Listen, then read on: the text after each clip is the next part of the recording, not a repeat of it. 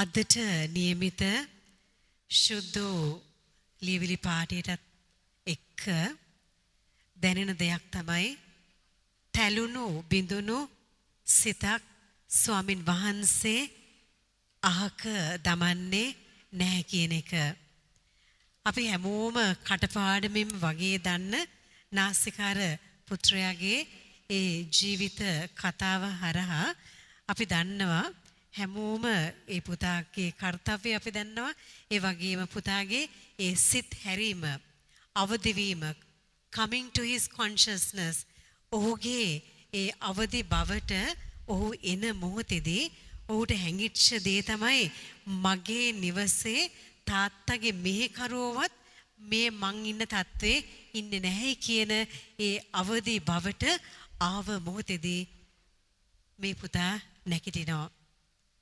පුතා හැරිච්ච වෙලාවේදී තාත්තා ආයේ මගට එන්නේ දෑත් විවර කරගෙන පුතාව තුරුළු කරගන්නට. ඉතින් මගේ රත්තරන් අම්මේ තාත්තේ දුවේ පුතේ මේ චතාරික කාලයේ පුරාවටම තියෙන මෙනෙහි කිරීම එක්ක අපි හැමෝටම දැනෙන දෙයක් තමයි උන්වහන්සේ නැවත නැවතත් අපිට එකම දේ බොහෝ වෙලාවට කියනවා. ඇයි මෙහෙම කියන්න කියලා කියලා අපි අපෙන්ම අහගත්තොත් අපිට දැනෙන දේ තමයි අපේ ස්වභාවය. අපි හරි ආසයි නැගිට ගන්නට. බඩගගා ඉන්න අපි එහෙමත් නැත්නම් තැන තැන නැවති නැවති ඉන්න අපි ආසයි නැවත වතාවක් කෙලින් හිට ගන්නට. ස්වාමින් වහන්සේගේ අතේ එල්ලෙන්නට අපි කැමතියි. නමුත් අතරමං වෙන මොහොතවල් ගොඩක් තියෙනවා.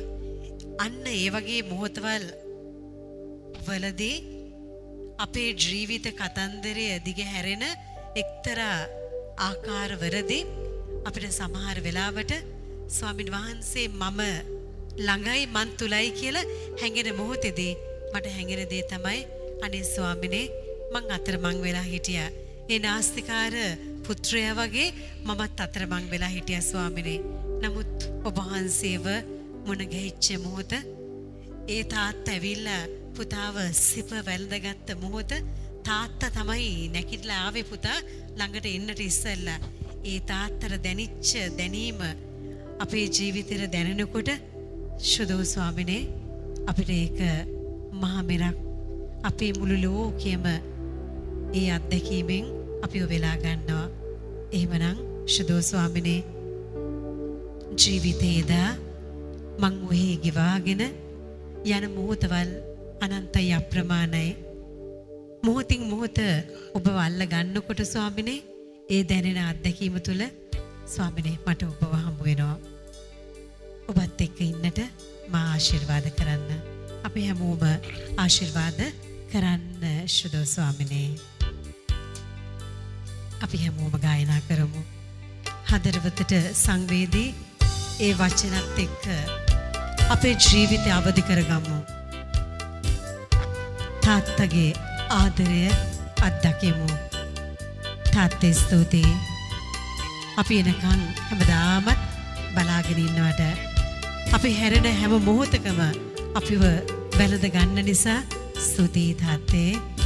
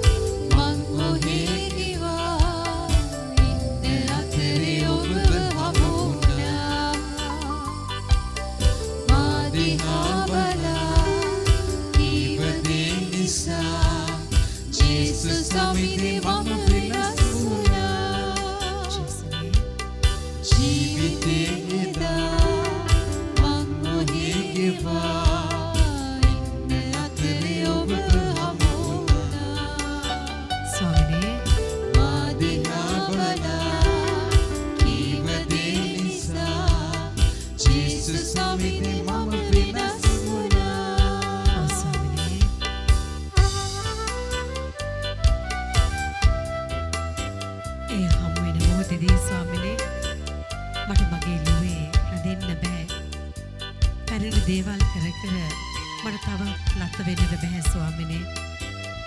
දරන්න බැරි ඒ ඔබේ ආදරය වෙත යන්නම හිතෙනවා ස්වාමිනේ. අපව වැළඳ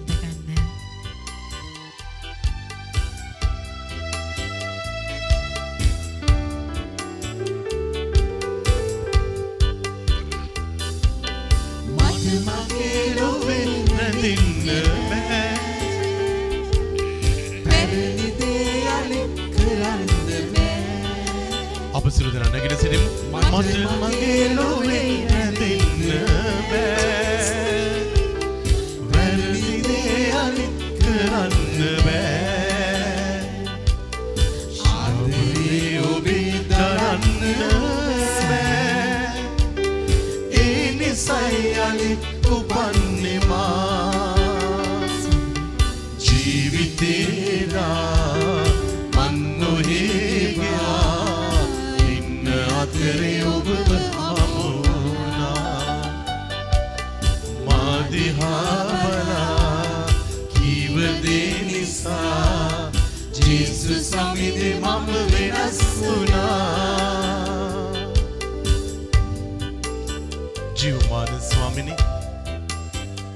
මට වෙනස් වෙන්න ඔබ වහන්සේ අවස්ථාවන් ගොඩක් උදා කරලා දෙනවා.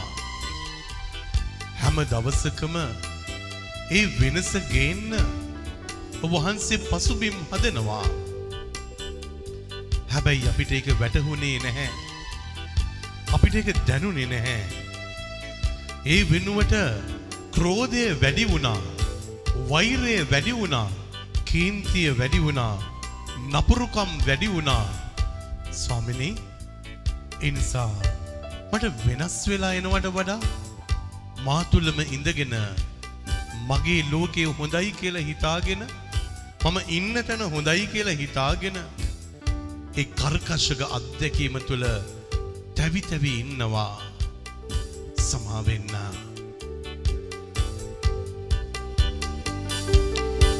ක්‍රෝධ වෛරයෙන් බලන්න බෑ. නපුරු දේ අලිත් කරන්න බෑ. සුරු දෙනාම කිව්ව ක්‍රෝධ වෛරයෙන් බලන්න බෑ. නපුරු දේ අලිත් කරන්න බෑ. ජේසු සමිඳුගෙන් මිදෙන්න නිසයි තුටින් ගයන්නෙවා ජීවිතේලා මන් නොහේගවා ඉන්න අතරේ ඔබව හමුුණා මාදිහා බලා කීවදේ නිසා ජේස සමිදේ මම වෙනස් වුණා. ජේසු සමිදේ මම වෙනස් වුණා. ජේසු සමිදේ මම වෙනස් වුණා. ජේසු සමිදේ මම වෙනස් වුණා. ආමේන් ආමේන්. මම විශ්වාස කරනවා කවද හරි එහෙම කියන්න පුළුවන් දවස උදා වෙයි කියලා. කොහොම කියන්නද? ජේසු සමිඳුනේ මම වෙනස් වුණා කියලා. ඉතින් මම හිතන්නේ ජේසුස් ස්වාමීන් වහන්සේ බලාගෙන ඉන්නේ ඕකට තමයි. වෙන කිසිම දෙයක් නිසා නෙමෙයි. උන්වහන්සේ ඔබ දිහා මා දිහා බලාගෙන ඉන්නවා කවදා හරි මගේ පුතා වෙනස් වේවි. කවදා හරි මගේ දුව වෙනස් වේවි. එතකොට මේ වෙනස ඇති කරගන්න ස්වාමින් වහන්සේ තුල ජීවත් වෙච්ච අපිට වටපිටාවක් හැදෙනවා. මට මතකයි එක්තරා කාලයක මේ මට හිතුණා මේ ඔක්කොම වැඩක් නෑ. මේ ඔක්කොම දාලා යන්න ඕනි කියලා. ඉතින් අ, දාලා යන්න ඕනේ කියලා හිතද්දි අවුරුදු ගානකට ඉස්සර ඊට පස්සේ ගියා ඩිවයින් රිට්‍රීට් සෙන්ටර් කොළඹ මේ කොහෙද පෝටාවලට ගියා. මයි ෆාදර් මැක්සි එතකොට මේ මනස ඇතුලේ කියනවා දැන් ඇති මේවා කරලා වැඩක් නැහැ. මීට වඩා හොඳයි පැත්තකට වෙලා හිටියානම් මගේ පාඩුවේ මගේ දෙයක් කරගෙන ඉන්න ඕනි කියලා මෙහෙම මානසිකත්වයක් ඇතුලේ ගොඩ නැගෙනවා. දැන් මේක බොරුවක් වැඩක් නැහැ මේකෙන් ප්‍රතිඵලයක් නැහැ කියන මෙහෙම ස්වභාවයක් එනකොට දැන් මට මතකයි ඩිවයින් එහි රිට්‍රීට් සෙන්ටර් එකේ ඉනහීලින් ප්‍රෝග්‍රෑම් එක වෙලාවේදී මේ හදිස්සියේ මම වමනේ දැම්මා නේ ඉනහිලිම් ප්‍රෝග්‍රෑම් එක මට දරන්න බැරුව ගියා. හෝල් එක ඇතුළෙම වමනේ දැම්මා.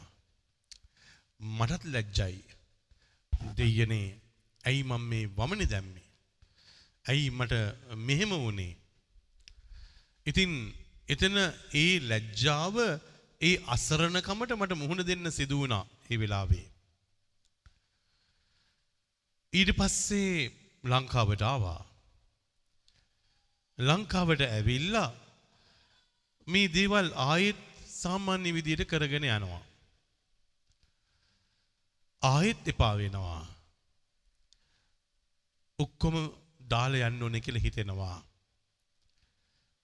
ආයෙත් මොනවා හරි ප්‍රශ්නයක් ඇති වෙලා මොනවා හරි වේදනාවක් ඇති වෙලා මොනවා හරි කලකිරීමක් ඇති වෙලා ආයෙත් බිඳුවට වැටලා ඉන්නකොට ආයෙත් මතක් වෙනවා ස්වාමින් වහන්සේ වෙතට යන්න ඕනේ කියලා. ජීවිතේ එක වතාවක් නෙමෙයි ගොඩක් වතාවන් වල මට දැන්ලා තියෙනවා මේ මේ ඔක්කොම අතහැරලා දාලා යන්න ඕනේ කියලා. හැබැයි මේ ස්වාමින් වහන්සේ මම අතහැරලා දාලා යන්න ඕනේ කියලා මනසින් හිතනකොට ඒ මනසින් එතන ඉන්නකොට අනේ ස්වාමින් වහන්සේ එනකං බලාගෙන ඉන්නවා. මම උන්වහන්සේ වෙතට ආවා. මං උන්වහන්සේ තුළට ආවා. හැබැයි උන්වහන්සේ අද වෙනකං ඇහුවේ නැහැ කිව්වේ නැහැ කැත වැඩ කරන්න එපා ඩැරල්.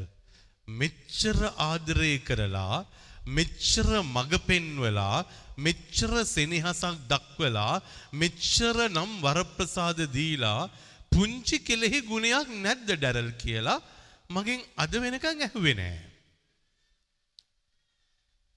උන්වහන්සේ අහන දෙයක් තියෙනවා.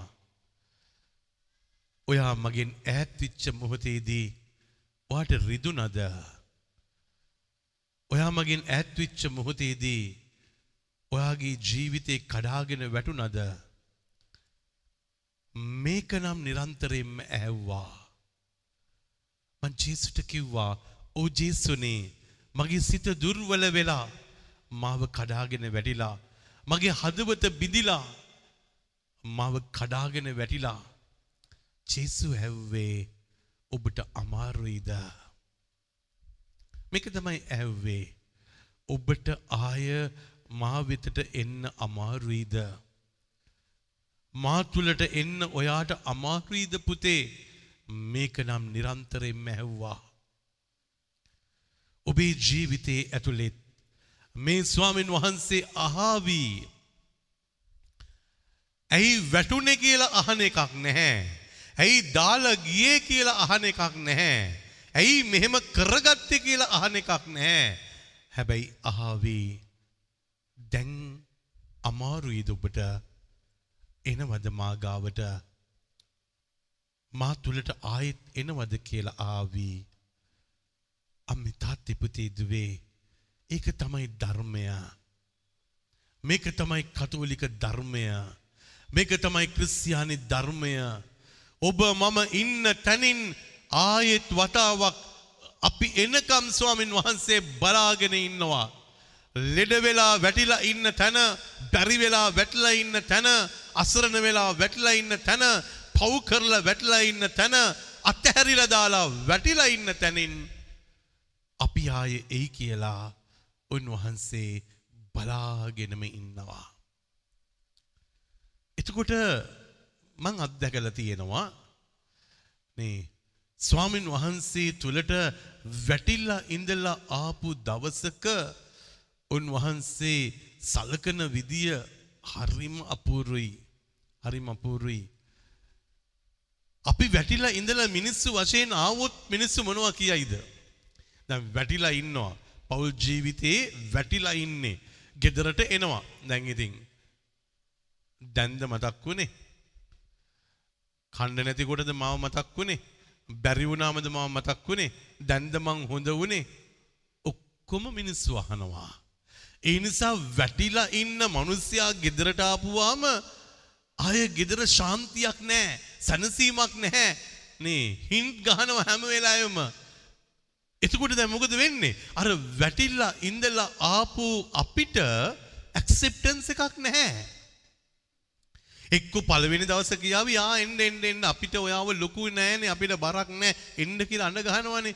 ඊට පස්සේ ටික දවසක් යනකොට නේ පොඩ්ඩ පොඩ්ඩ පොඩ්ඩ පොඩ්ඩ නේ නිකමට හරි පරක් වෙලා આવොත් අයි කොහෙද රෝන්දේ ගහලා ආවේ? කොහෙද ගියේ? කත් එකද ගියේ? මොනවටද ගියේ? ඉතින් මේ මං නිදහසේ ඉන්නවනේ. නිදහසේ ඉන්නවනේ. නේ නිදහස වුණාට කමක් නැහැ. නේ අතුරුල වෙලා ඉන්න ඕනේ. දැන් ආවට පස්සේ නීති රීති ගොඩයි. ස්වාමින් වහන්සේ ගාවට ආපුවම නීති රීති නෑ. ස්වාමින් වහන්සේ ගාවට ආපුවාම උන්වහන්සේ ගාව තියෙනවා ලස්සන දෙයක් මොනවද? උන්වහන්සේ ඔබව මාව විශ්වාස කරනවා. මිනිස්සු ගාවට ආය හැරිලා ආපුවාම මිනිස්සු සැක කරනවා. විටින් විට සැක කරනවා. කාලයෙන් කාලට සැක කරනවා. හැබැයි ස්වාමීන් වහන්සේ කිසිම දවසක ඔබව මාව සැක කරන්නේ නැහැ. ප්‍රශංසවේවා ප්‍රශංසවේවා ප්‍රශංසා වේවා. ප්‍රශංසවේවා. ප්‍රශංසා වේවා. එතකොට මේ ස්වාමින් වහන්සේ තුළට එනවයි කියන එක සතුටක්.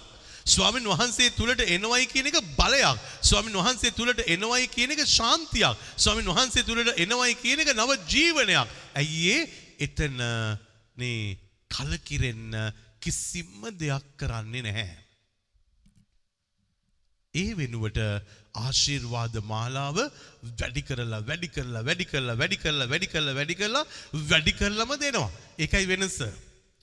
මිනිස්සුන්ත් එක්ක ඔබ උරණ වෙලා ඔබ දාලා ගියාට පස්සේ ආය ආවොත් අඩු කරලා දෙන්න බලනවා. යට ප්‍රොබේෂන් පීරියඩ් කියලා එකක් දෙනවා. බලමුකෝ ඉඳීද දන්නේ නැහනේ. කොහොම වෙයිද දන්නේ නැහනේ. නේ ඒ නිසා උපරිමෙන් දෙන්න ඕනේ නැහැ. එයාට දැන් අපි දැනෙන්න ඉඩ හරින්න ඕනේ. නේ ඒ නිසා අපි සාමාන්‍ය විදිහට තමයි යාට සලකන්නේ. නේ සාමාන්‍ය විදිහට සලකනවා. හැබැයි දෙවියන් වහන්සේව දාලා ගිය කෙනෙක් ආයෙත් ආවට පස්සේ සාමාන්‍ය විදිහට සලකන්නේ නැහැ. එයාට වැඩිපුර සලකලා හොඳට සලකලා ආදරය කරලා තුරුළු කරගෙන ඉන්න බලනවා. ඒක තමයි නාස්තිකාර පුත්‍රයාගේ උපමාවේ තිබුණේ. එහෙම ආදරයක් මේ ඔබට මට හම්බ වෙනකොට ඒ ආදරේ දාලා යයිද? ඒ වගේ ආදරයක් ස්වාමින් වහන්සේගෙන් එනකොට උන්වහන්සේව දාලා යන්න පුළුවන්ද? උන්වහන්සේගෙන් සමු අරගෙන ගිහිල්ලා ඈතට ගිහිල්ලා ඉන්න පුළුවන්ද? නේ. මිනිස්සුන්ව දාලා ගිහිල්ලා ඉන්න පුළුවන් වේවි. ඇයි ඒ? ඒ මිනිස්සු ඕන වෙලාවට එපා වෙලාවට ඒගොල්ලෝ ඕන ඕන විදියට හැසිරෙන නිසා, ඒගොල්ලන්ගේ දිව ඕන ඕන විදියට නැමෙන නිසා, ඒගොල්ලන්ගේ කතා බහ ඕන ඕන විදියට උච්චාරණය වෙන නිසා මිනිස්සුන්ව දාලා ඉන්න පුළුවන් වේවි මිනිස්සුන්ට. හැබැයි ස්වාමින් වහන්සේව දාලා ඉන්න බෑ. ස්වාමින් වහන්සේව දාලා ඉන්න බෑ. ඒ නිසා රත්නනම් මේ තාත්තිපතේ දුවේ ඔබේ මගේ ජීවිතයට සැනසීම උන්වහන්සේ තුළයි පෙරලගන්න එනම් ඔබේ ශුද්ධ බයිබලය ගීතාවලියේ හැට දෙක ගීතාවලියේ හැට දෙක පෙරලගන්න මගේ සිතට මාගේ සිතට සානය ඇත්තේ සහනය ඇත්තේ දෙවිඳුන් තුළ පමණකි. දෙවිඳුන් තුළ පමණකි. එතකොට රත්නම් මේ තාත්තිපතේ දුවේ දැන් මේ ගෙදරද ඉන්නේ එලියේද ඉන්නේ මාකට් එකේද ඉන්නේ කඩපිලේද ඉන්නේ පාරේද ඉන්නේ කියන එක නෙමෙයි වැදගත් වෙන්නේ. ඉන්න තැන මට සහනයක් තියෙනවද? එතකොට දැන් මේ කුටුම්බය කියන දේ, ගේ කියන දේ නේ ඇයි හදලා තියෙන්නේ ගෙයක්? ගෙයක් හදලා තියෙන්නේ කාලා බීලා ඉන්න විතරද? ගෙයක් හදලා තියෙන්නේ ඇඳලා පැඳලා ඉන්න විතරද? නැහැ. ගෙයක් හදන්නේ මිනිස්සුන්ට සැනසීමෙන් සහනය ලබාගෙන ඉන්න. ඒ නිසා තමයි මුළු ලෝකෙ වටේම ගිහිල්ලා ගිහිල්ලා ගිහිල්ලා ගිහිල්ලා හෙම්බත් වෙනකොට කියනවා ගෙදරට ගියා නම් හොඳයි නේද? ගෙදරට ගියා නම් හොඳයි නේ. ඇයි මේ ගෙදරට ගියා නම් හොඳයි කියලා කියන්නේ? ඒ ගේ ඇතුලේ සිතට සහනයක් තියෙනවා. ඔබ අහලා බලන්න ඕනේ එහෙනම් ඔබේ ගෙදර ගේ ඇතුලේ සිතට සහනයක් තියෙනවද? ඔබේ කාම්බරේ ඔබේ සිතට සහනයක් තියෙනවද? නැත්නම් ඔබේ ගේ ඇතුළට එනකොට අසහනකාරී තත්ත්වයක් ඇති වෙනවද? ඒ නිසා තමයි ගෙදරට අවශ්‍ය කරන වටපිටාව හදාගන්න. කාම්බරයට අවශ්‍ය කරන වටපිටාව හදාගන්න. ඒ කාම්බරේ ඇතුලේ නේ ඔබට සහනයක් තියෙන්නට ඕනේ. සැනසීමක් තියෙන්නට ඕනේ. ඔබේ පැදුරේ ඔබේ නේ බූරු ඇඳේ නැත්තම් ඔබේ ඇඳේ මොන ඇඳේ වුණත් ඔබට සහනයක් තියෙන්නට ඕනේ. දැන් මේ සහනය තිබුණ නැත්තම් ඒ ඇඳේ නිදා ගන්නකොට උදේ පාන්දර නැගිටිනකොට කියයිද ප්‍රශංසා වේවා මම නිදාගෙන නැගිට්ට කියලා. නැහැ. ඒ නින්දට සහනයක් නැති අඳක්. ඔබේ කාම්බරය ඔබට සහනයක් දුන්නේ නැත්තම් ඒ කාම්බරයට ඇවිල්ලා නිදාගෙන එළියට එනකොට ඔබ කියාවිද පුදුමාකාර විදියට සහනයක් දැන් නම් මගේ ජීවිතේට තියෙනවයි කියලා. නැහැ. මෙහෙම නම් මට ජීවත් වෙන්න බෑ වගේ අනේ කියලා කියාවි.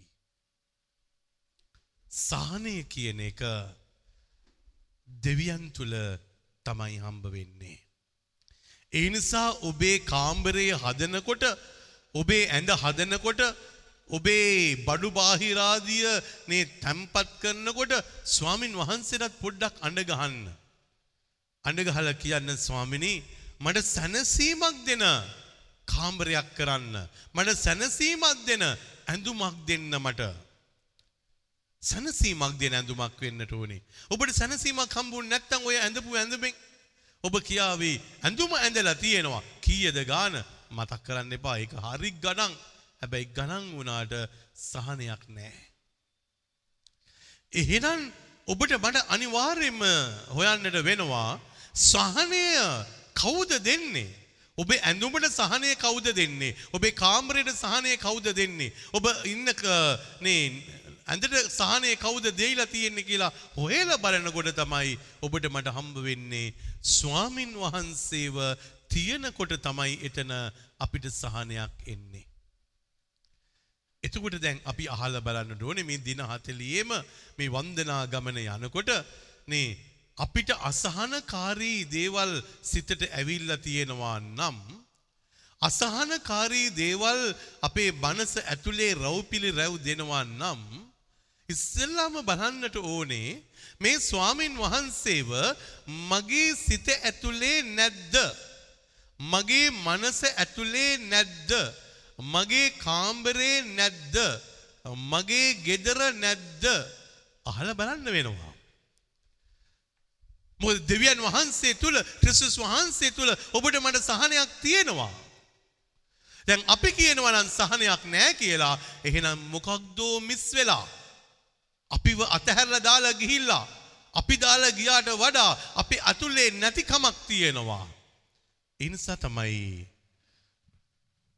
මට ගැලවීම ලැබෙන්නේ මට ගැරවීම ලැබෙන්නේ එතුමාන්ගෙන් පමණකි. එතුමානන්ගෙන් පමණකි. ප්‍රශංස වේවා ප්‍රශංස වේවා. ප්‍රශංස වේවා. ප්‍රශංස වේවා. එතකොට දැන් එහෙනම් මේ සැනසීම ලැබෙනවා නම් උන්වහන්සේ තුල අපිට ඊළඟ ස්ටෙප් එක ඕනේ. මොකක්ද ඊළඟ ස්ටෙප් එක? ගැලවීමක් තියෙනවද? මම ඉන්න තැන මගේ මනසට ආත්මයට ශරීරයට ගැලවීමක් තියෙනවද? මම මේ පුද්ගලයාව ඇසුරු කරද්දී මට ගැලවීමක් ලැබෙනවද? දැන් මේක ඔබට මට අහන්න වෙනවනේ. මොකද ඔබත් මාත් කවදාරි සෙත්තු පොච්චි වෙන්නනේ යන්නේ මැරෙන්නනේ යන්නේ. මැරෙන්න ඉස්සර අහන්න ඕනේ නැද්ද? නේ මේ සහනයක් මම දෙනවද? ගැලවීමක් දෙනවද? මගේ මහත්යාව මම ගලව ගන්න කෙනෙක්ද? වැරදි මතයකට යන්න පුළුවන් ගලව ගන්නයි කියලා එයා ගැන තියෙන අඩුපාඩුකම් වටේම කියන්න පුළුවන්. නේ. ඇයි එහෙම කිව්වේ? එයාව ගලව ගන්නනේ. ඇයි එහෙම කරේ? එයාව ගලව ගන්නනේ. අන්තිමට බලන්න ගියාම ගලව ගන්නවට වඩා මුළු ජීවිතේම කඩාගෙන වැටෙන්න සලස්සලා. එතකොට ගලව ගන්න ඕන නම් ඔබට ඔබේ මහත්යාව ඔබේ භාර්යාව ඔබේ දරුවව ඔබේ අම්මා තාත්තව ඔබේ යහළුවව යෙහෙලියව ගලව ගන්න ඕන නම් කාටද බාර දෙන්න ඕනේ? ඔබ ස්වාමින් වහන්සේට බාර දෙන්නට ඕනේ. නැත්තම් අපි ස්වාමින් වහන්සේට නෙමෙයි බාර දෙන්නේ. අපි මිනිස්සුන්ට බාර දීලා කියනවා කොහොම හරි ආව ගලව ගන්න?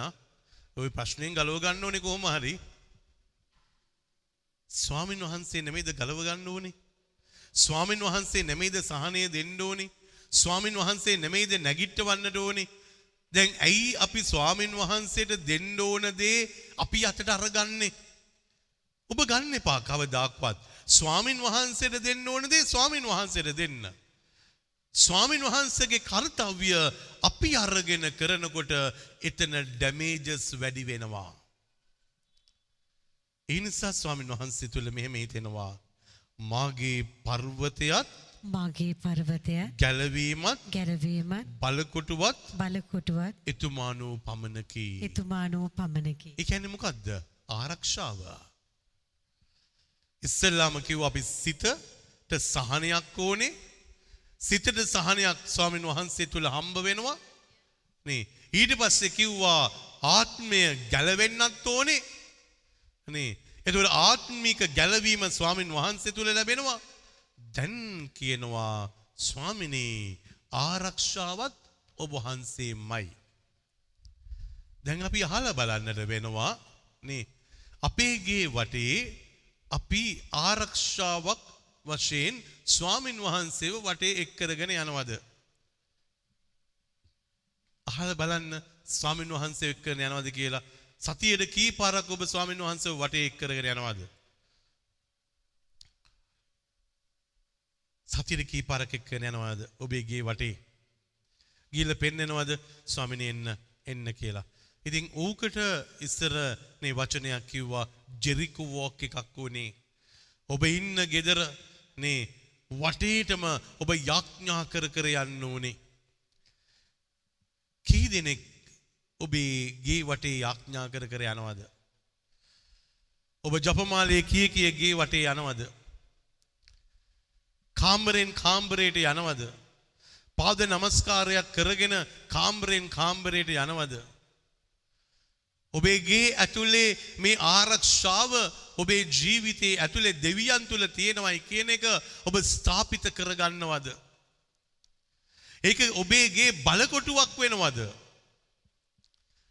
එතකොට අහලා බලන්න ඕනේ ස්වාමින් වහන්සේ ඔයගේ ඇතුලේ ඉඳගෙන බලකොටුවක් හදලා ආරක්ෂාවක් අපිට දෙනවා. එහෙම අත්දැකීමක් ලැබෙනවද? ඔබ එතකොට ගේ ඇතුළට යන්නේ ආරක්ෂාවක් තියෙනවයි කියලා හිතාගෙනද නැත්නම් ගේ ඇතුළට ගියේ වෙලා ඉඳලා කියන්නේ මට නම් බයයි යන්නේ ගේ ඇතුළේ ඉන්න. කාමරය ඇතුළේ ඉන්න බයයි වගේනේ. ගේ ඇතුළේ ඉන්න බයයි වගේනේ. එතකොට දැන් කවුද එතන නැත්තේ? මම කියනවා නම් මට කාමරය ඇතුලේ ඉන්නකොට බයයි, ගේ ඇතුලේ ඉන්නකොට බයයි, අපේ වත්තේ ඉන්නකොට බයයි කියලා කියනවා නම් කොහෙදෝ දෙයක් මිස් වෙලා. මොකද මිස් වෙලා තියෙන්නේ? දෙවියන් වහන්සේගේ ආරක්ෂාව අපේ ගෙදරට, අපේ භූමියට, අපේ වැඩපළට තියෙනවයි කියන එක විශ්වාස කරන්නේ නැහැ. ඉතුර විශ්වාස කරේ නැත්තම් මොකද වෙන්නේ? හැම වෙලාවෙම හිතනවා එතන නම් හරියන්නේ නෑ. එතන හරියන්නේ නෑ. අම්මේ තාත්තිපුතේ දුවේ ඔබේ මගේ මනස ඇතුළට කවදහරි ආවොත් අපේ ගේ වටේට ස්වාමින් වහන්සේව නේ අපි එක්කරගෙන යනවා. අපේ කාම්බරවලට එක්කගෙන යනවා. අපේ නේ වාහනයට එක්කරගෙන යනවා. අපේ වැඩපොළට එක්කගෙන යනවා. ස්වාමින් වහන්සේ එතන බලවන්ත වෙලා ස්වාමින් වහන්සේ එතන ජීවමාන වෙලා ස්වාමින් වහන්සේ එතන මහා ශක්තියක් උපද්දවලා.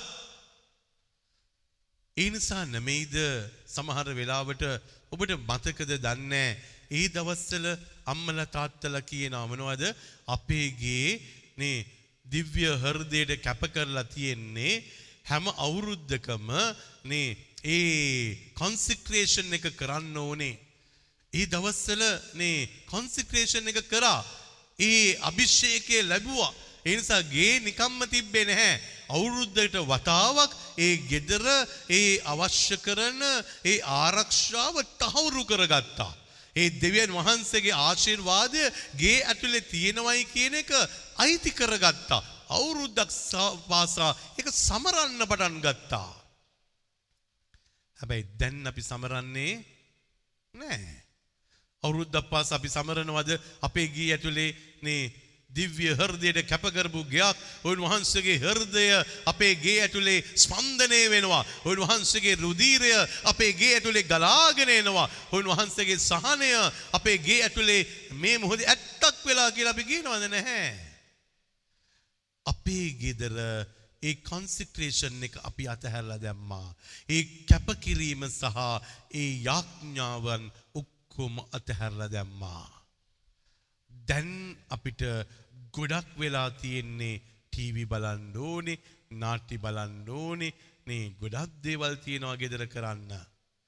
හැබැයි අර අභිෂේකය ආලේපය අපේ වැඩපලේ අඩු වෙලා යනවා. ඇයි ඒ අඩු වෙලා යන්නේ? එතන තියෙන්නේ කේන්තියක්. එතන තියෙන්නේ තරහවක්. එතන තියෙන්නේ ඝනදෙනුවක් විතරයි. එතන ඝනදෙනුවක් විතරයි. එතකොට රටනම් මේ තාත්තේ පුතේ දුවේ ඔබේ ගේ ඇතුළ කියන්නේ ඒක දෙවියන්ගේ බලකොටුවක් කියලා ඔබට කවදා හරි හැඳරුණු උත්කාරය කොහොමද? ඔබට හිතෙනවා දෙවියන් වහන්සේගේ බලකොටුව මගේ ගේ දෙවියන් වහන්සේ තුල ආරක්ෂාව අපේ මුළු පවුලටම හම්බ වෙනවා කියන මානසිකත්වයේ ආපුදාට ඔබ ප්‍රශ්නයක් ආවොත් කාරිය මොනවා කරයිද? කරදරයක් ආවොත් මොනවා කරයිද? හැලහැප්පීමක් ආවොත් මොනවා කරයිද? ඔබ පුළුවන් තරම් ඉක්මනට ඔබේ ගෙදරට යනවා. ඇයි ඒ? ඔබ දන්නවා මගේගේ දෙවියන් තුල බලකොටුවක්. නැත්තම් කාරිය මොනවද කියන්නේ? ප්‍රශ්නයක් ආපුවාම හැලහැප්පීමක් ආපුවාම කරදරයක් ආපුවාම ටක් ගාලා කියනවා මට නම් ගෙදර ඉන්න බෑ. මට නම් ගෙදර ඉන්න බෑ. මං කොහේ හරි යනවා. මට ගෙදර ඉන්න බෑ. කොච්චර මිනිස්සු කියනවද මට ගෙදර ඉන්න බැහැ කියනවා. ඇයි කරදරයක් ප්‍රශ්නයක් ඇවට පස්සේ මං කොහොමද ගෙදරට වෙලා ඉන්නේ? මම යනවා මම යනවා යාළුවෙක් හොයාගෙන යනවා. නේ කොහේ හරි යනවා මම.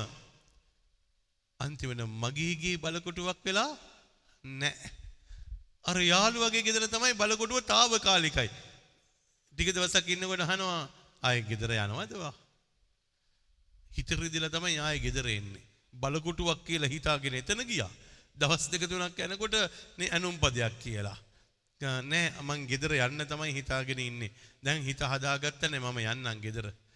හිත හදාගෙන නෙමෙයි යන්නේ ප්‍රතික්ෂේපෙට ලක්විච්ච නිසා. තමාගේ ගේ බලකොටුවක්. තමාගේ ගේ ආශිර්වාදිත තැනක්. ඕක දාලා යන්න එපා. ඕක දාලා කොහේ යන්නද? ප්‍රශ්න එනකොට කරදර එනකොට බාධක එනකොට ඔබේ ගේ ඇතුලේ දෙවියන් වහන්සේ ජීවමානයි කියලා අදහන අය. කියාවි මං ටක් ගාලා ගෙදර ගිහිල්ලා එන්නම් ආ? මං ටක් ගාලා ගෙදර ගිහිල්ලා එන්නම්. ඇයි තමාගේ ගේ බලකොටුවක්. තමාගේ ගේ බලකොටුවක්. විශ්වාස කරන්නට ඕනේ. අපිට ගොඩක් වෙලාවට ගේ මතක් විච්ච වෙලාවෙ ඉඳලා මතක් වෙන්නේ අපේ ගෙදරට හූනියම් කරලාද දන්නේ නැහනේ. අපේ ගෙදරට කොඩි බින කරලා දන්නේ නැහනේ. අපේ ගෙදරට මිනිහලු ඉහලා දන්නේ නැහනේ. අපේ ගෙදරට මොන හරි ප්‍රශ්නයක්ද දන්නේ නැහනේ. නේ. අද අද මං එක්කෙනෙකුට කිව්වා පුතේ නේ බයන්න එපා උගලන්ගේ හොඳටම හොඳයි මේ භූමිය හොඳ මේ ගේ හොඳට හොඳමයි කිව්වා. යනකොටත් මං කියලා ගියා ගේ හොඳයි පුතේ නියම ගයක්නේ තියෙන්නේ සුපිරි ගයක් කියලා. එල්ලවලා එනවා ආයෙත් පිටිපස්සෙන් මම බැලුවා මොකද දන්නේ නැහැ කියලා. ෆාදර් ගේ හොඳයි කිව්වට වත්ත හොඳයිද ෆාදර්? අපි හැම වෙලාවෙම සැකින් ඉන්නේ. ගේ හොඳයි වත්ත හොඳයි දන්නේ නැහනේ. ඒක නෙමෙයි. ෆාදර් ගේ හොඳයි කියලා කිව්වා වත්තම ගැන කිව්වේ නැහනේ. ජීවිතේ අපි හිතාගෙන ඉන්නේ හැම වෙලාවෙම මම ඉන්න තැන හොඳ නැහැ. මම ඉන්න තැන මට සහනයක් නැහැ. මම ඉන්න තැන මට බලයක් නැහැ. මම ඉන්න තැන මට ගැලවීමක් නැහැ. මම ඉන්න තැන නේ පුදුම නරකාදියක්. එහෙම හිතාගෙන හිටියොත් කොහොමද සතුටෙන් අපි ජීවත් වෙන්නේ? කොහොමද අපි ගෙදරට එන්නේ? ඒ නිසා රටනම් මේ තාත්ති පුතේ දුවේ මම විශ්වාස කරනවා ඔබේගේ ස්වර්ගයක්. කී දෙනෙක් කැමති දෙයකට එකඟ වෙන්න. මගේගේ ස්වර්ගයක්. එක ස්වර්ගයක් වෙලා තාම නැත්තම් ස්වර්ගයක් කරගමු. ගේ. නේ. එතකොට ස්වර්ගයක් වුණොත් කාර්ය ඒගේ ඇතුලේ මොනවද තියෙන්නේ? දෙවියන් වහන්සේ ජීවමානයි කියලා දැනෙනවා. උන්වහන්සේගේ ආදරේ ජීවමානයි. උන්වහන්සේගේ සැනසීම ජීවමානයි. උන්වහන්සේගේ සුවේ ජීවමානයි. උන්වහන්සේ තුල හැම දෙයක්ම සාර්ථකයි. හැම දෙයක්ම සාර්ථකයි. මොකද දෙවියන් වහන්සේ ඉන්නවා. අහලා බලන්න. ආකල්පවල වෙනසක් එන්න ඕනේ නැද්ද? චින්තනයේ වෙනසක් එන්න ඕනේ නැද්ද? දින 40ක් මෙහෙම ගිහිල්ලා ඒක ඉවර කරන්නද යන්නේ නැත්නම් හැමදාකම ඔබේ ජීවිතේ ඇතුලේ අලුත් මාවතකට අලුත් ස්ටෙප් එකක් ඔබ තියෙනවමද මං අද වෙනකම් බැලුවේ නැහැ බලන්නෙත් නැහැ තව දවස් කීයක් දේශනා ගන්න තියෙනවද දන්නේ නැහැ නේ කියලා තව දවස් කීයක් මෙහෙම මෙහෙ කරන්න තියෙනවා මං බලන්නෙම නැහැ මොකද ඒක මට වදයක් නැති නිසා.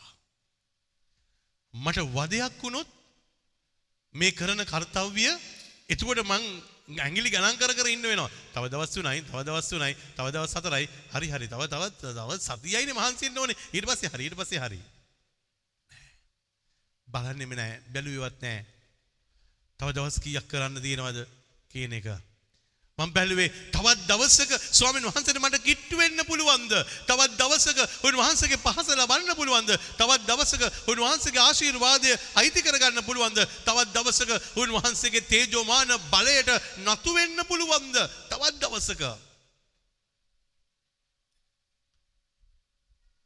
ආසාවෙන් කරොත් ඒ මොහොත එනකම් බලාගෙන ඉඳීවි. ආසාවෙන් කරේ නැත්නම් ඒ වෙලාව එනකොට මගහැරලා දාන්න හිතේවි. ඔබේ ජීවිතයේ ඔබ ඔබේ ආසාවෙන් ඔබේ බිස්නස් එක කරොත් ඒක වැරදෙන්නෙම නැහැ. ඊට පස්සේ ඔබට බිස්නස් එක වහලා ඉන්න බැරුව යනවා. ඇයි ඒ වහලා ඉන්න බැරුව යන්නේ? මොකද ආසාවෙන් කරන දෙයක්නේ.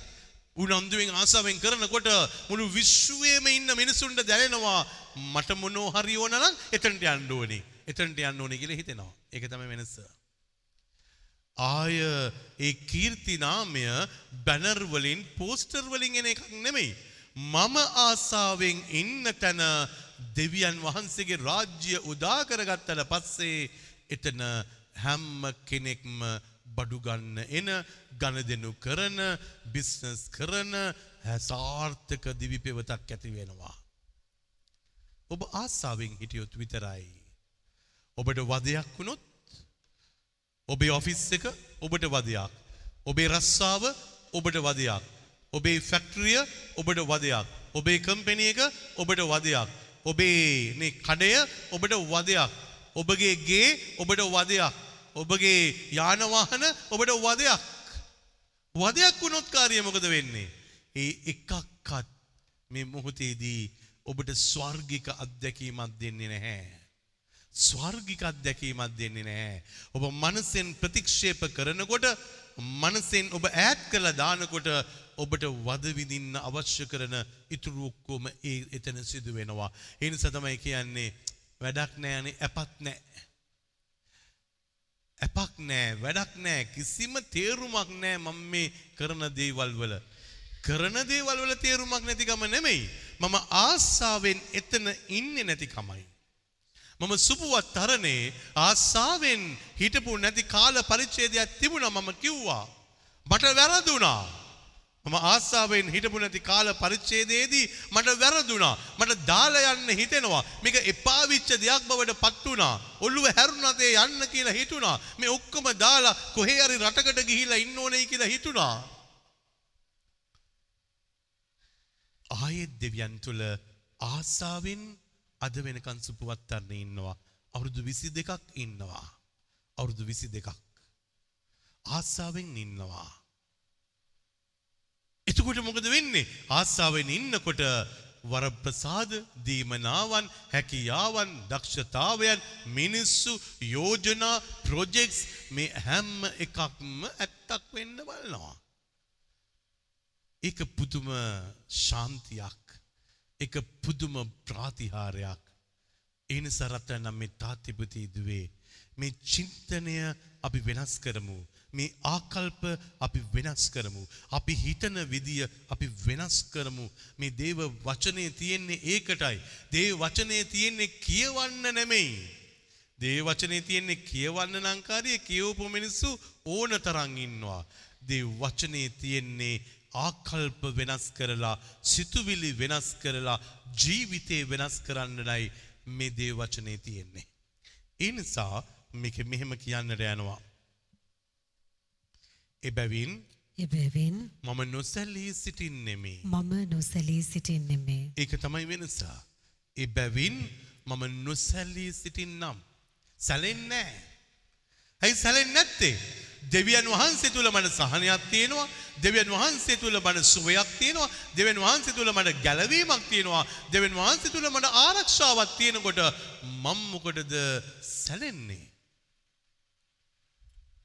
අද අපේ සලිත වෙලා අපි හෙල්ලිලා අපිට හැවේලෑම දැම් බයක් ඇවිල්ලා හෙට දවස ගැන ලොකු බයක්. ඇයි ඒ අද අපිට තියෙන ප්‍රශ්නවලට උත්තර නැති නිසා. අද අපිට තියෙන කරදරවලට විසඳුමක් පේනතෙක් මානයක නැති නිසා. අද අපිට තියෙන අපේ අසරණකමට පිළිසරණයක් පේනතෙක් මානයක නැත්නම්. අපි එතකොට මේ මොහොතේදී කලකිරලා ඉඳීවී. එනිසා ඔබ කවද හරි කියනවා නම් මම දෙවියන් වහන්සේ තුළ නොසැලී ඉන්නම්. මම දෙවියන් වහන්සේ තුළ නොසැලී ඉන්නම්. ස්වාමිනී ප්‍රශ්න ආපුදෙන් කරදර ආපුදෙන් රෝගයන් වැරදිච්චදෙන් මොන කරදරයට රෝගයට බාධනය වනත් ඔබ වහන්සේ තුළ විශ්වාසයෙන්ම ඉන්නවා. ඔබ වහන්සේ මගේ දෙවිඳුන්. ඔබේ ජීවිතේ වෙනස් විච්චදාට මේ දින හතලිය ඔබේ ජීවිතයට ප්‍රතිඵල දුන්න දින හතලියක් වේවී. ම හැමදාම කියනවා දින හතලිය කියන්නේ තවත් අර දින හතලියෙන් එකක නේ පොඩි හරියක් දාලා තවත් දවසක් ඉවර වුණා. තවත් මෙහෙයක් ඉවර වුණා නෙමෙයි වෙන්නට වනේ. මට මේ දින හතලිය මගේ ජීවිත පරිවර්තනය විච්ච දින හතලියක් වෙන්නට වනේ. ජීවිතය පරිවර්තනය විච්ච දින හතලියක්. එදාට ඔබේගේ ස්වර්ගයක් බවට පත්වෙනවා ඔෆිස් එක ස්වර්ගයක් බවට පත්වෙනවා ඔබ ඉන්න තැන ස්වර්ගික අත්දැකීමකට ඔබ ඇතුල් වෙනවා එන නැගිට සිටින්න. අපි යාඥා කරමු. ස්වාමින් වහන්සේ තුළ ඔබේ ජීවිතය සාර්ථකයි පුතේ දුවේ. මම ඔහේ ගියා ඇත්තයි මගේ ජීවිතේ. හැබැයි මට දැන් ජේසු ස්වාමීන් වහන්සේව මුණ ගැහිලා. ඒ නිසා මම වෙනස් වෙනවමයි. ඔබට පුළුවන් දේ අදිෂ්ඨානය ගන්න. රස්සාවේ ප්‍රශ්නයක්, ආර්ථික ප්‍රශ්නයක්, ගේ දොරවල ප්‍රශ්නයක්, සුවයේ ප්‍රශ්නයක්, සම්බන්ධතාවයේ ප්‍රශ්නයක්, ගණදෙනුවල ප්‍රශ්නයක්, ණයතුරුස් ගෙවා ගැනීමේ ප්‍රශ්නයක් අපි ඔක්කොටම තියෙන්න පුළුවන්. හැබැයි ඔබට දැනුනොත් කාර්ය මට ජේසු ස්වාමීන් වහන්සේව මුණ ගැහුණා.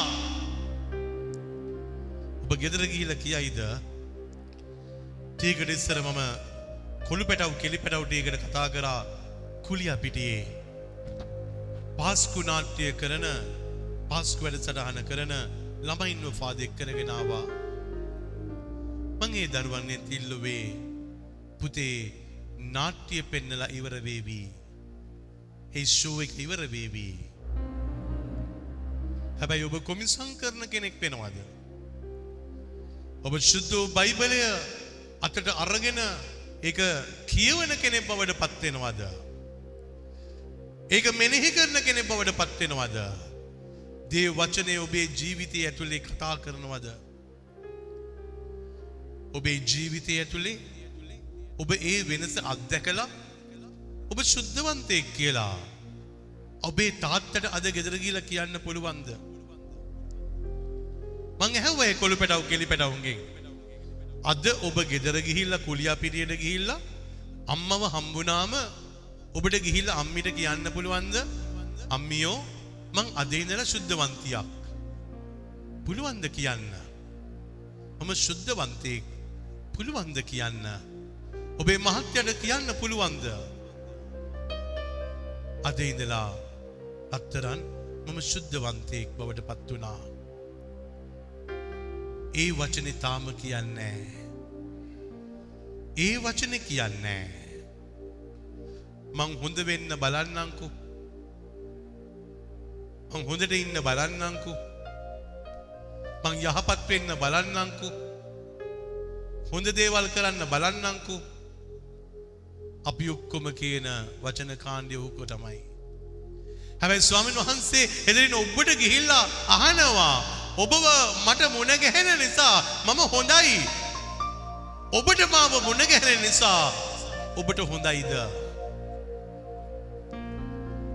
ජේසුස් ස්වාමීන් වහන්සේ කියනවා ඔබව මට මුණ ගැහෙන නිසා මම දැන් ගොඩක් හොඳයි. මං ආදරෙන් ඉන්නවා. උන්වහන්සේ පෙරලා අනිත් පැත්තට අහනවා. ඔබට මාව මුණ ගැහෙන නිසා ඔබ හොඳයිද? අහල බලන්න. ජේසුස් ස්වාමීන් වහන්සේව මුණ ගැහුණ නිසා ඔබ හොඳයිද? ජීවිතේ එදා මං ඔහේ ගියා. ජේසුනේ මට ඔබ වහන්සේව හමු වුණා. එන යඥා කරමු. අපේ අත් දෙක දික් කරන්න සප්‍රසාද වහන්සේ වෙදර දික් කරන්න. දික් කරලා අපි යාඥා කරමු. ස්වාමීන් වහන්සේ ඉදිරියේ යාඥා කරන්න. ශුද්ධ ස්වාමීන් වහන්සේගේ දෑතට මේ මොහොත අපේ ජීවිත බාර කරනවා ස්වාමීනි. ඔබ වහන්සේගේ ප්‍රේමයෙන් සැලැස්ම තුළ ඔබ වහන්සේව හමු වුණ මොහොතක් ඔබ වහන්සේව අත්දැක්ක මොහොතක් ඔබ වහන්සේ තුළ ජීවිතේ පටන් ගන්න මොහොතක් එබැවින් ස්වාමීනි පරිශුද්ධ ස්වාමීනි අපේ ජීවිතවල අරුතක් දෙන්නේ ඔබ වහන්සේමයි. අපේ ජීවිතවල ආරක්ෂාව දෙන්නේ ඔබ වහන්සේමයි. අපේ ජීවිතවල ස්වර්ගික අත්දැකීම දෙන්නේ ඔබ වහන්සේමයි. එබැවින් ස්වාමීනි මේ බලකොටුව ඔබ වහන්සේමයි. ඔබ වහන්සේ අපේ ගේ ඇතුලේ ඉන්න නිසා ඔබ වහන්සේ මගේ සිත ඇතුලේ ඉන්න නිසා ඔබ වහන්සේ අපේ ගෙවල් දොරවල් වල ඉන්න නිසා ඔබ වහන්සේ අපේ වැඩපොලේ ඉන්න නිසා ස්වාමිනිය ඔබ වහන්සේ ඒ ආදරය ජීවමාන කරලා තියෙන නිසා මට දැනෙනවා අලුතෙන් මගේ ජීවිතය වෙනස් වෙන්න යනවා අලුතෙන් මගේ ජීවිතේ ගොඩනගෙන්න යනවා අලුතෙන් මගේ ජීවිතේ හැදෙන්න යනවා අලුතෙන් මගේ ජීවිතේට අරුතක් ලැබෙන්න යනවා. ඒ නිසා ස්වාමිනේ ජීවිතේ එදා මං ඔහේ ගියා. හැබැයි ඔබ වහන්සේ මට හමු වුණා මගේ ජීවිතය වෙනස් වෙමින් ඉන්නවා. වෙනස් වෙනවා. මට දැනෙනවා වෙනස් වෙනවයි කියලා. මට දැනෙනවා මම වෙනස් වෙනවයි කියලා. මට දැනෙනවා මම වෙනස් වෙනවයි කියලා. මට දැනෙනවා මම වෙනස් වෙනවයි කියලා. මට දැනෙනවා මම වෙනස් වෙනවයි කියලා. මට දැනෙනවා මම වෙනස් වෙනවයි කියලා. මට දැනෙනවා මම වෙනස් වෙනවයි කියලා. ජීවිතේදා මන් නොහේ ගෙවා ඉන්න අතරේ ඔබ හමුුණා ගායනයකට වඩා දෙයක්.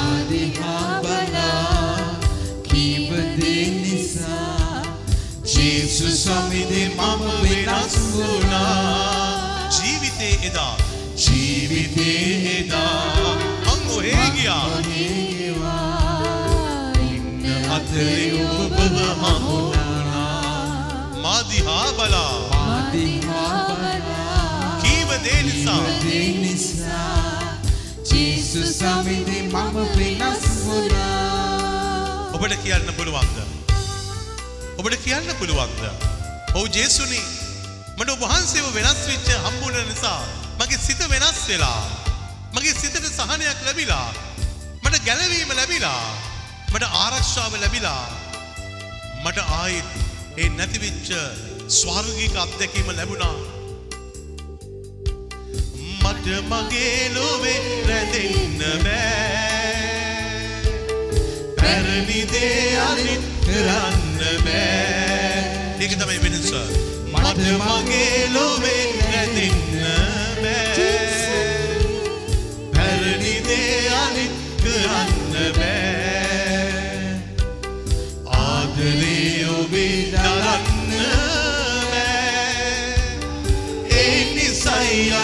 අලින් උපන්නෙමා. ජීවිතේදා මන් නොහේ ගෙවා එන්න අතරේ ඔබ හමුුණා. මාදිහා බලා කීවදේ නිසා ජේසු සමිදේ මම වෙනස් වුණා. එනම් අත් දෙක වැදගන්න. ස්වාමීන් වහන්සේත් එක්ක ඒ ගණදෙන ඔබට කරන්න පුළුවන්ද? ගීතිකාව කියලා ඉවර වෙන්න යන්නේ. හැබැයි ස්වාමීන් වහන්සේ කියනවා ගීතිකාවෙන් ඔබට ගිය ජීවිත අත්දැකීමකට යන්න කැමතිද? ජීවිත අත්දැකීමකට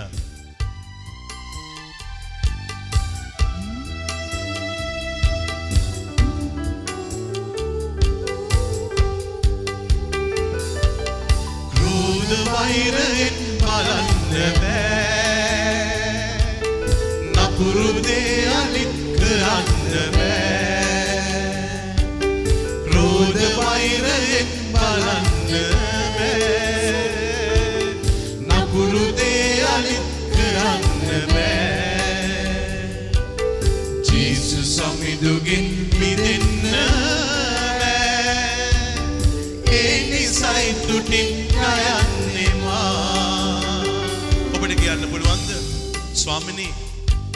මට ඔබ වහන්සේව දාලා යන්න බෑ. ඒ නිසා මට සන්තෝෂයෙන් අද ඔබ වහන්සේත් එක්ක ගීතිකා කියක ඉන්න පුළුවන්. සන්තෝෂයෙන් මට මේ මෙහෙට සම්බන්ධ වෙන්න පුළුවන්. මම සන්තෝෂයෙන් යඥාවට ඇතුල් වෙනවා. එහෙනම් ඔබේ අත් දෙක ස්වාමීන් වහන්සේ වෙතට දික් කළා. සන්තෝෂයෙන් යඥා කරන්න. සන්තෝෂයෙන් යඥා කරන්න.